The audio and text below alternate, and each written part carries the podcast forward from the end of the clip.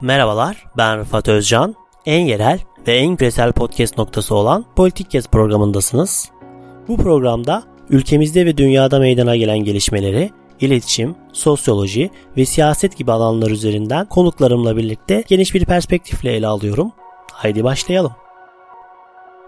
Merhabalar, Politik Gez Podcast programına hoş geldiniz. Bugün Antalya Bilim Üniversitesi'nden Profesör Doktor Tarık Oğuz ile beraberiz. Kendisiyle Biden döneminde nasıl bir Amerikan dış politikası olacağı üzerine konuşacağız. Kendisinin fikir turunda e, bunun üzerine bir yazısı çıktı. Bu yazısı etrafında e, konuşuyor olacağız. Tarık Hocam programa hoş geldiniz. Hoş bulduk Rıfat Bey. İyi yayınlar diliyorum. Teşekkürler. Hocam ilk olarak da şimdi Trump'ın e, seçilmediği artık kesinleşti. Biden dönemi Ocak 20'sinde başlayacak. Trump dış politikada nasıl bir miras bıraktı Biden'a? Aslında çok kötü bir miras bıraktı. Bunun çok net bir cevabı var. Çok kaotik bir miras bıraktı. Trump'ın dış politika çizgisi Amerikan düşünce ekolleri arasında bizim Jackson'cı milliyetçilik, Jackson'cı izolasyonculuk diye tanımladığımız düşünce ekolüne çok fazla benziyor. Uluslararası ilişkilerde tek taraflı hareket etmeyi önemseyen, topraklarının dışında ulus inşası projelerinden özellikle uzak duran, çok taraflı mekanizmaları ve kurumsal örgütlerle işbirliğini önemsemeyen, diğer ülkelerle daha çok alver ilişkisi üzerine bir ilişki kurmaya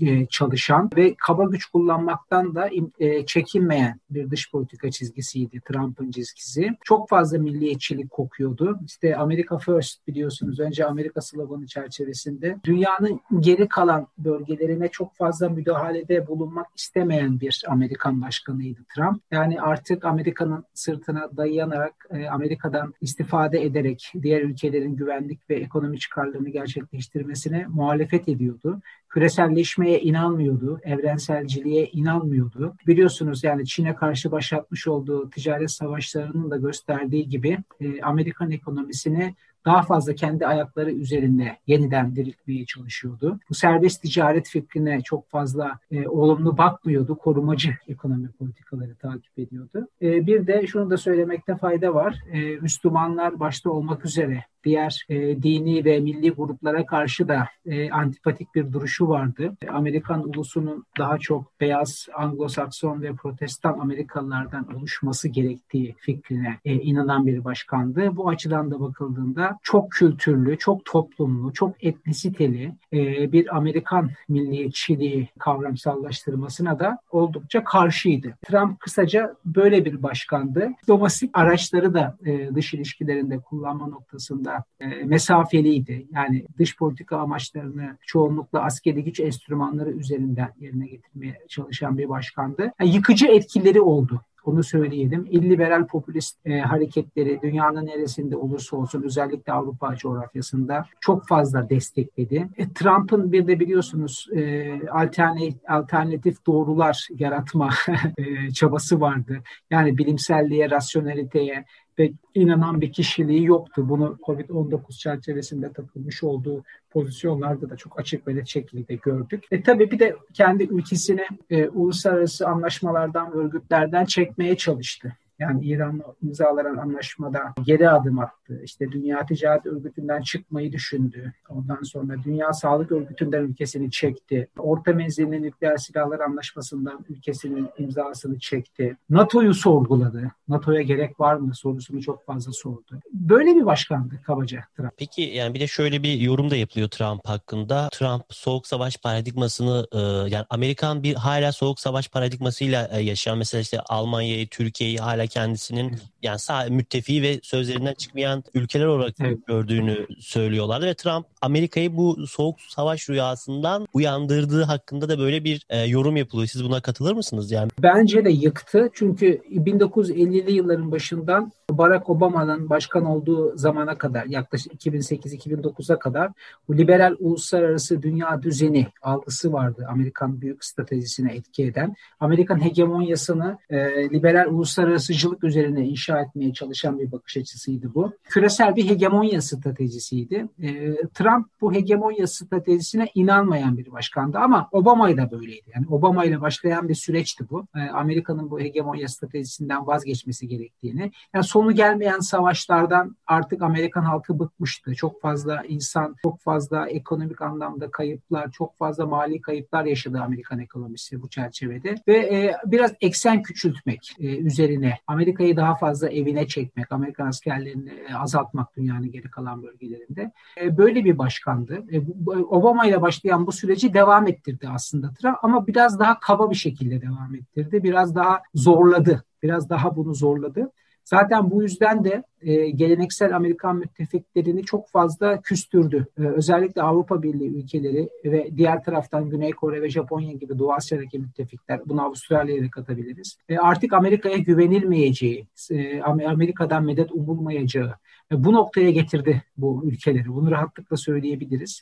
Tabii bu geleneksel Amerikan müttefikleri gözünde ciddi bir güven erozyonu yarattı Amerika'ya dair. Hani Amerika'nın yumuşak gücünde de ciddi bir aşınmaya sebep oldu Trump'ın bu politikaları. Bu anlamda bu yapmış olduğunuz tespite katılıyorum. O paradigmanın karşısında bir başkandı. Çok açık ve net. Ki e, Biden bu paradigmayı nasıl sürdürür size göre hocam? Yani mesela o da yani sonuçta bir de Obama'nın da başkan yardımcısıydı. Obama'dan Hı-hı. başlatıyorsun Hı-hı. bunu. Ama şu evet, an bir de. Biden'da aslında liberal dünyanın bir yandan da önderliğini de yapmak Hı-hı. istiyor. Tekrar Amerika'yı bu konuma da koymak istiyor. Bunun hakkında neler söyleyeyim? E, aslında şöyle söyleyebiliriz. Yani e, sizin de altını çizdiğiniz gibi yani Biden demokrat bir e, şahsiyet. E, liberal uluslararasıcı felsefeye inanıyor. Müttefikleri önemsiyor. Küreselleşmeye inanıyor. E, Amerika'nın istisnai bir ulus olduğuna inanıyor. Mesela Trump inanmıyor. Amerika'nın istisnai bir ulus olduğuna Trump inanmıyordu. Yani biz de normal bir devletiz diyorduk. Çok kabaca söylemeye çalıştı. Bir ulusuz diyordu. Ama Trump işte Biden böyle düşünmüyor. Amerika'nın bir rol modeli olabilme ihtimaline önem veriyor. E, küresel ilişkileri önemsiyor. İşte dış ticarette daha serbest ticaret politikalarını önemsiyor. Yani müttefiklerle arayı düzeltmeyi önemsiyor. E, e bu anlamda bir fark yaratacaktır. Yani özellikle zaten seçim e, sonuçlarına Avrupalı müttefiklerin verdiği tepkileri gördüyseniz eğer bunu anlamış olmalıyız bence. Çünkü çok olumlu karşılandı Biden'ın zaferi. NATO'nun tekrar dirileceği, Amerika'nın Avrupa Birliği'ne tekrar destek vereceği hep dile getirildi. Biliyorsunuz Trump Avrupa Birliği'ni bile bir düşman kategorisinde görüyordu. Yani Avrupalı müttefikleri birbirlerine karşı kışkırtmak ve onlar üzerinden Avrupa'yı bölmek stratejisi güdüyordu Trump. Biden böyle olmayacak. Daha birleştirici bir başkan olacak. Hem ülkesi içinde hem de müttefiklik e, müttefikleriyle olan Amerika'nın ilişkilerinde daha birleştirici bir rol oynayacak ama Biden'ın da eski küresel hegemonya stratejisine dönme şansı çok yüksek değil. Çünkü çok şey değişti dünya siyasetinde. E, hem dünya siyasetinde hem Amerikan siyasetinde.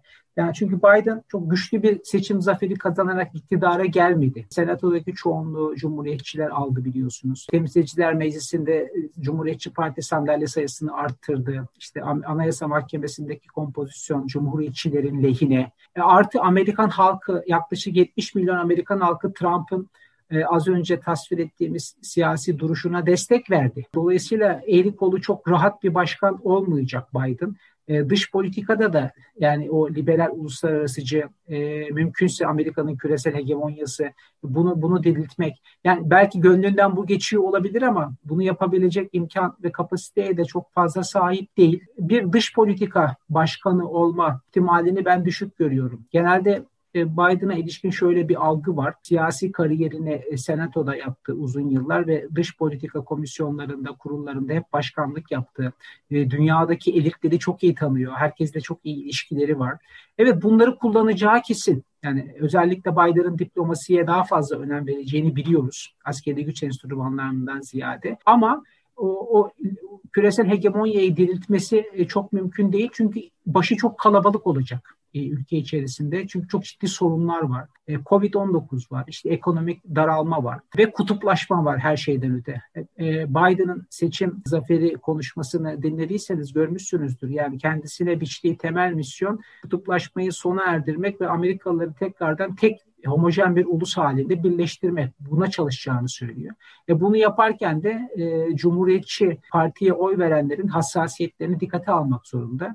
E, bu hassasiyetlerin e, arasında önemli bir hassasiyet şu. Yani Amerikalıların çoğu artık küresel jandarma rolü oynamasını istemiyor Amerika. Çünkü çok maliyetli. Buna ne gerek var diyorlar. Dolayısıyla istediği birçok şeyi yapabilme kapasitesi sınırlı kalacak Biden'ın. Bir de yani biz sizinle bir önceki yayınımız şeydi ABD istisnacılığının sonu geliyor muydu? Hı hı. Bir de yani bu yazınızda da Amerika'nın artık e, uluslararası politikada inandırıcılığını kaybettiğini söylüyorsunuz. Bunu e, genel olarak nelere bağlıyorsunuz hocam? Yani inandırıcılığını kaybettiğini söylüyoruz ama tabii bu, bu e, Trump'ın başkanlığı sırasında çok su yüzüne çıktı. Çok görünür oldu. Yani Amerika'nın yumuşak gücü ve Amerika'ya yönelik olumlu algılar ciddi anlamda zedelendi. Amerika'nın bir rol modeli olması, bir ilham kaynağı olması ciddi yara aldı. İşte en son seçim olaylarına bakın. Yani kaç gün geçti hala e, sonuçları tanımayan bir eski başkan var diyelim. Yani ciddi bir kutuplaşma var. Yani bırakırız Amerika'nın başkalarına örnek olmayı sanki başkaları Amerika'ya daha fazla örnek oluyormuş gibi bir resim var.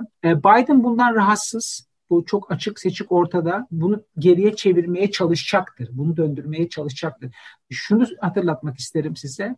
Nasıl ki George W. Bush e, Amerikan başkanı iken dünyada Amerika'ya yönelik tepkiler ve muhalefet artmışsa ve Obama nasıl ki başkan olur olmaz e, Amerika'ya yönelik algıları yukarıya e, çıkartmışsa benzer bir şey yaşıyoruz şu anda. Herkes biraz mutlu mesut gibi gözüküyor. Yani Biden geldi işler eskisi gibi olacak. Herkes alkışlıyor ve olumlu bakıyor ve bir kredi açıyorlar Biden'a. Yani birçok ulus bir kredi açıyor Biden'a. Bu anlamda yumuşak gücünü diriltebilir ama az önce de saydığım sebeplerden dolayı eli kolu çok rahat olmayacak. Yani ciddi anlamda onu kısıtlayacak, sınırlandıracak dinamikler var. E, yaşayıp göreceğiz Rıfat Bey açıkçası. Anladım hocam. Siz de biraz önce bahsettiniz yani Trump 2. Dünya Savaşı'ndan sonra kurulan birçok misakı bozdu. Anlaşmalardan çekildi. Transatlantik ilişkileri e, önemsemediğini defalarca söyledi. Yani bu noktada şimdi yani Biden döneminde Avrupa, Orta Doğu ve Çin dış politikası Amerika için nasıl olabilir hocam?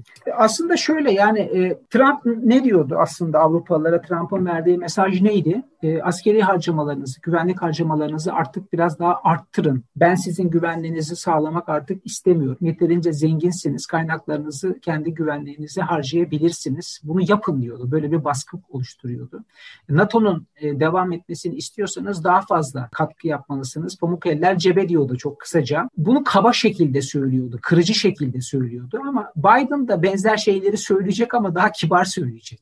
Yani Biden geldi Amerika'nın NATO'ya bakışı değişti diyemeyiz. Yani Biden da müttefiklerinden daha fazla katkı yapmalarını bekleyecek güvenlik sorunlarına. Çünkü e, Amerika'nın temel ilgisi artık Çin'e kaymış durumda. Orta Doğu bölgesinde, Kuzey Afrika'da, Doğu Akdeniz'de bu bölgelerdeki güvenlik problemlerinin çözülmesinde Avrupalıların daha fazla işin içine girmesini isteyecektir. Hakeza Rusya ile ilişkili böyle bir şey düşündüğünü de tahmin ediyorum. Yani Avrupalıları daha çok sorumluluk almaya zorlayacaktır. Bunu yapacaktır ama NATO içerisinde e, bunu yapmaya çalışacaktır. Yani Avrupa Birliği'nin kendisine ait bir otonom, stratejik anlamda egemen bir askeri kimliği ya da yapılanması olmasını istemeyecektir. Yani Amerikalılar bunu istemez. NATO içerisinde kalarak Avrupa'dan daha fazla sorumluluk alması. Avrupa entegrasyon sürecini de değerli gören bir başkan Biden. Mesela Trump'la arasındaki en önemli farklardan bir tanesi bu. Trump AB entegrasyon sürecini tehlikeli görüyordu. Yani tek sesli bir Avrupa fikrine çok karşıydı. Ama Biden bunu zorlayacak çünkü bu Amerika'nın çıkarına. Yani Rusya ve Çin'le e, mücadele edebilmesi için Amerika'nın bu müttefiklerini yanına alması lazım. Ama ancak güçlü tek sesli bir Avrupa olursa veya hakeza Doğu Asya'daki müttefikleri Amerika'nın arkasında saf tutarlarsa e, Amerika, Çin ve Rusya ile daha güzel bir şekilde baş edebilir. Dolayısıyla destekleyecek. Ve Orta Doğu bölgesine baktığınızda şunu görüyorum ben. Trump çok şey değiştirdi biliyorsunuz. Yani İsrail'le aşırı yakınlaştı. E, işte İbrahim anlaşmalarını kotardı İsrail'le. Arap monarşileri arasında bir güvenlik e, anlaşmaları e, silsilesi başlattı. İran'ı tehditleştirerek, İran'ı şeytanlaştırarak, İran üzerinden yaptı bunu.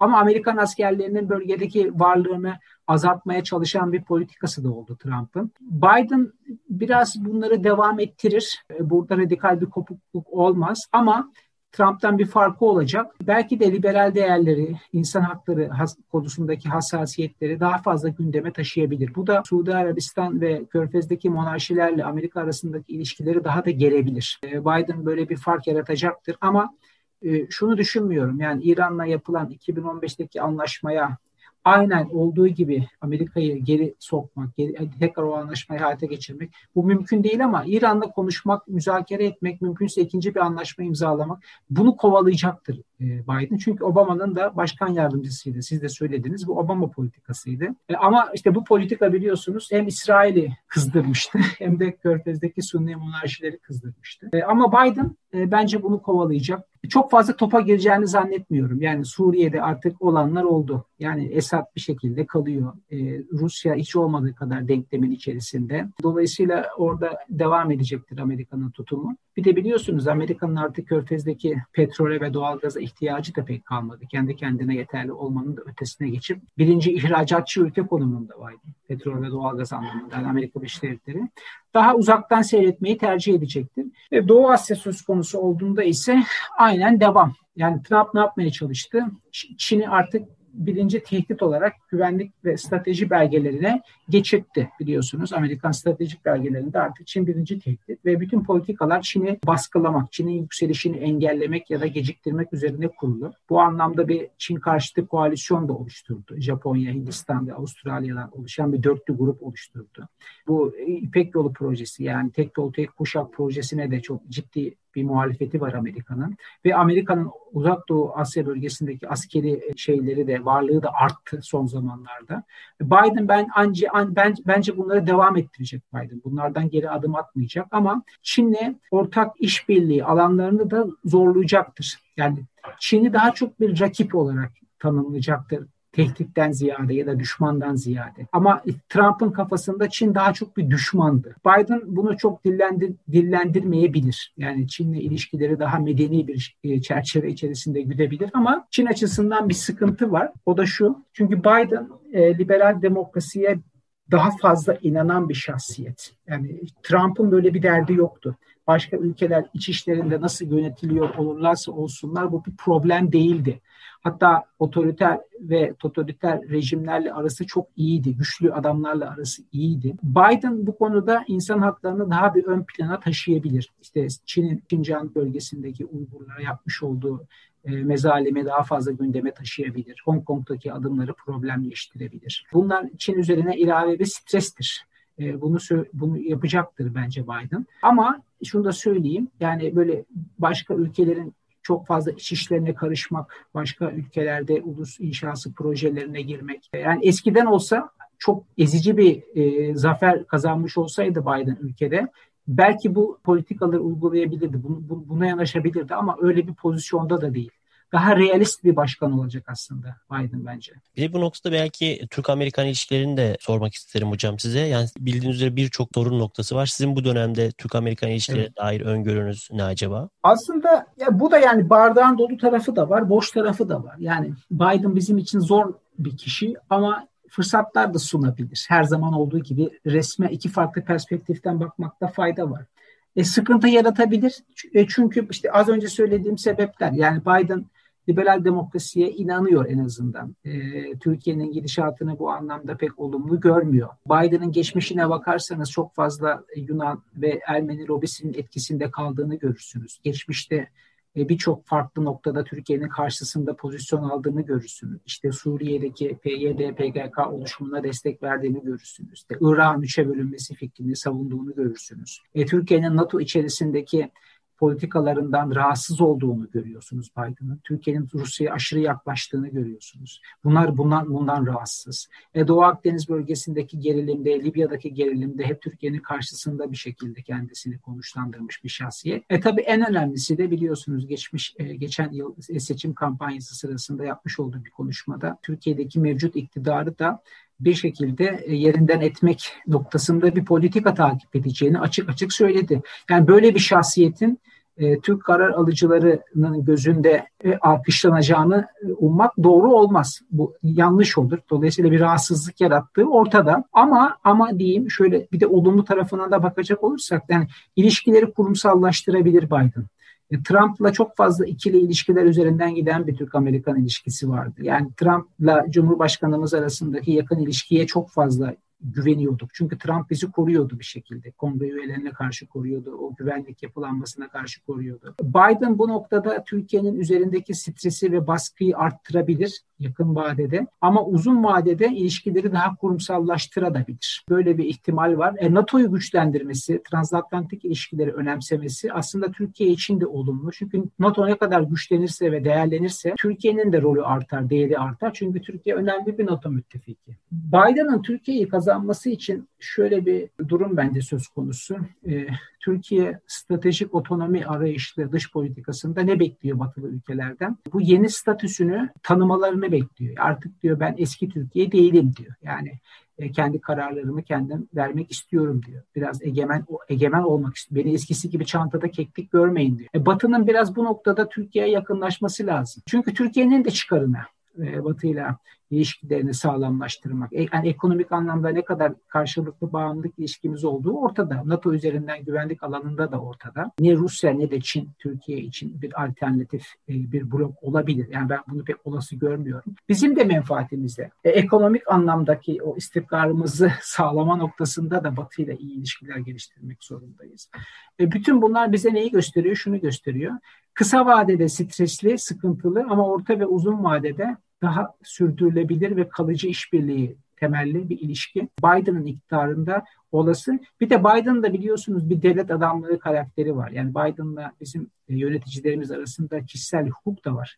Hem senatör olma özelliğinden kaynak. Çünkü defaatle gelmiş Türkiye'ye. Hem de başkan yardımcısıyken defaatle ikili üst düzey görüşmeler yapmış bizim yöneticilerimiz de. Yani birbirlerini tanıyorlar aslında bu insanlar. E, ama dediğim gibi o konuşma, o konuşmanın Biden'ın e, Türkiye karşıtı konuşmasının ortaya çıkardığı negatif bir iklim var. Ve o aşılırsa kısa sürede aşılırsa bence Biden'la ilişkiler Trump'la olan ilişkilerden daha kalıcı ve daha istikrar üretici olabilir. Bir de yazınızda Amerika lider, liderliğinde Biden'ın yeni bir demokrasi ligi kurmak istediğini evet, yazıyorsunuz. Evet. Yani bilmeyenler için bundan e, kısaca bir bahsedebilirsek çok iyi olur. Bir de buna siz nasıl yaklaşıyorsunuz hocam? Söylüyorum aslında. Ben bu senenin başında bu Foreign Affairs dergisindeki çok prestijli bir yayındır biliyorsunuz. Bir makalesi çıktı Biden'ın. Orada şunu söylüyordu. Ben iktidara gel- gelirsem ileride ki şu anda geldi. O liberal demokrasinin kaybetmiş olduğu zemini hem Amerika'nın içinde hem de uluslararası arenada tekrardan kazanacağım. İlliberal popülist akımlara, otoriter eğilimlere karşı liberal demokrasiyi güçlendireceğim diyordu. Çünkü bu e, özellikle Amerika-Çin kapışmasını değerler üzerinden de tanımlayan bir başkan Biden. Trump bunu yapmıyordu ama Biden bunu değerler üzerinden de tanımlıyor. Çünkü liberal demokratik değerlere inandığını düşündüğü bir grup ülkeyle hiç bunlara inanmayan başka bir grup ülke arasındaki Çin başta geliyor. Bir mücadele olarak bakıyor buna. Ve bu anlamda NATO'yu önemsiyor, Avrupa Birliği'ni önemsiyor. Ve hatta işte belki NATO'dan da ABD'den de AB'den de bağımsız yeni bir oluşum acaba yaratabilir mi? Yani bu işte liberal demokrasiyi merkeze alan, bu değerlere inanan ülkeleri farklı kurumsal çatılar içerisinde bir araya getirmek ve Amerika'nın bu oluşumlara liderlik etmesi. Bu fikri kısacası e, dillendiriyordu Biden. Bu önemli çünkü küresel istikrar adına önemli ama tabii Türkiye Türkiye bağlamında bakarsanız stresli bir durumda aynı zamanda. Çünkü Türkiye'nin Türkiye üzerine bir baskı oluşturması muhtemel tarafını seç diyebilir Biden. Trump bize bunu söylemiyordu. Asla bize tarafını seç demiyordu. Çünkü Trump böyle şeylere inanmayan bir başkandı. Bu biraz biraz rahatlatıyordu bizi açıkçası ama Biden biraz daha stres yaratacak Türkiye'ye. Yani Türkiye'nin içerideki evrim sürecini de belki önemseyecek ikili ilişkilerin gelecekte alacağı seyir çerçevesinde. Bu anlamda bir stres yaratacaktır tabii ki ama yönetilebilir bir stres. Çünkü liberal demokrasi bizim de aslında ihtiyacımız olan bir şey. Son olarak da şunu sormak istiyorum. Biraz aslında konuşmanın başında bahsettiniz yani önce mesela Biden iç politika mı yönelecek, dış politikaya mı e, yönelecek? E, bir de e, e, bir de değişim için tabii ki sizin de yine bahsettiniz. Senato ve Temsilciler Meclisi aritmetiği, aritmetiği de önemli. Yani ilk yıllarında nasıl bir gidişat olacağını öngörüyorsunuz? Şimdi şöyle yani bu, burada aslında farklı görüşler var. Bazı kişiler Biden'ın dış politikaya daha fazla e, yöneleceğini çünkü e, kişisel e, geçmişi, tecrübesi hep dış politika alanında birikmiş. Dolayısıyla bunu kullanacaktır diyenler var. Evet ben de tabii buna inanıyorum ama işte siz de söylediniz konuşmanın başında da belirtmiştim. Yani işte içeride o kadar çok ciddi problem var ki yani bu problemlerden başını kaldırıp temel ilgisini alakasını dış sorunlara vermesi biraz hayalcilik olur. Bazen şu, insanlar şunu da söylüyorlar. Yani içeride sıkışırsa işte dışarıda bir nefes alma alanı kendisine bulacaktır. Dolayısıyla o içerideki zemin kaybını dışarıda dış politika başarıları üzerinde kapatmaya çalışacaktır diye düşünenler var. Bu olabilir tabii ki yani olmaz diyemeyiz. E, ama tekrar aynı noktanın altını çizmeme müsaade edin. Yani daha çok bir iç politika başkanı olacak Biden. E, çünkü bunun sebepleri ortada yani. Covid var yani Covid. Bakın e, en fazla insanın öldüğü, en fazla vakanın yaşandığı ülke Amerika şu anda dünyada. E, ve Amerikan imajını çok ciddi anlamda çizdi bu Covid-19 süreci. Özellikle Çin karşısında çok zemin kaybetti. Yani virüsün ortaya çıkmasının temel müsebbibi Çin dahi olsa ama Çin kısa sürede o resmi tersine çevirmeyi başardı. Şimdi bir başarı öyküsü olarak görülüyor. Yani Çin karşısında zemin kaybetti. Onu kazanması için bu işleri düzeltmesi gerekiyor. Yani ve Amerikan ekonomisi büyümeli. Yani Çin ekonomisi mesela bu Covid-19'dan en az hasarla etkilenen ekonomiler arasında. Yani Amerikan ekonomisi durgunluk ve geri gidiş yaşarken Çin ekonomisi e, tekrardan büyümeye başladı. E, bu problemler ortadayken e, çok iddialı çok böyle yani iddialı dış politika söylemleri benimseyeceğini veya inisiyatifleri alacağını ben beklemiyorum çok kısa vadede. Ama işler rolüne oturursa ilgisini dış politikaya çekecektir. Çünkü en iyi bildiği şey dış politika var. Yani en iyi uzmanı olduğu alan dış politika. E, oraya gözünü kapamasını da bekleyemeyiz. Benim sorularım burada bitti. En yerel ve en küresel çok, podcast programı Politik Test'i dinlediniz. Bizi Spotify, Apple, Google Antalya Podcast üzerinden ve sosyal medya hesaplarımızdan takip etmeyi unutmayın. Yeni başlıklar ve konuklar için kulağınız bizde olsun. Dinlediğiniz için teşekkürler. Kulağınız bizde olsun.